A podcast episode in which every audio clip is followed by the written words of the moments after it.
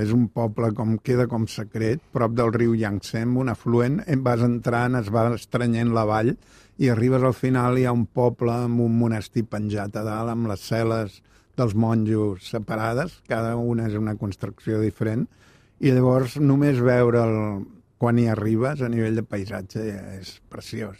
I a més a més, quan entres en el monestir et vas trobant unes sales, com que està dalt de la muntanya, tot és molt laberíntic. Tortuós. Tortuós, sí. I llavors el que em va sorprendre és veure que hi havia a l'entrada del temple principal iacs i ossos dissecats penjats cap per avall.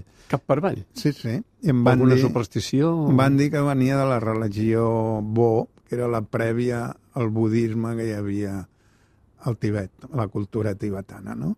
I impressiona veure allò, perquè veus la relació, el sincretisme, la relació amb la terra dura i de penjar cap per avall els animals aquests que fan molt de respecte, no? D'aquesta religió, de la religió Bon, per això només en queden aquests animals dissecats o els monjos encara queden en restes de, la, de les antigues tradicions?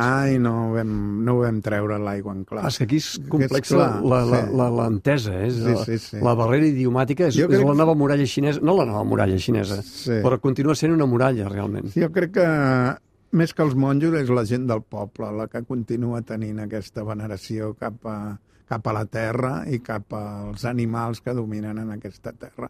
I curiosament aquí Songsar, quan creus que ja s'ha acabat el, i aquest, eh, al final de la vall aquest monestir impressionant, puges a més de 4.000 metres i hi ha un monestir de monges que encara està més amunt, a tocar de la neu ja i allà tens una sensació d'estar lluny de tot. Calla, mana, cara,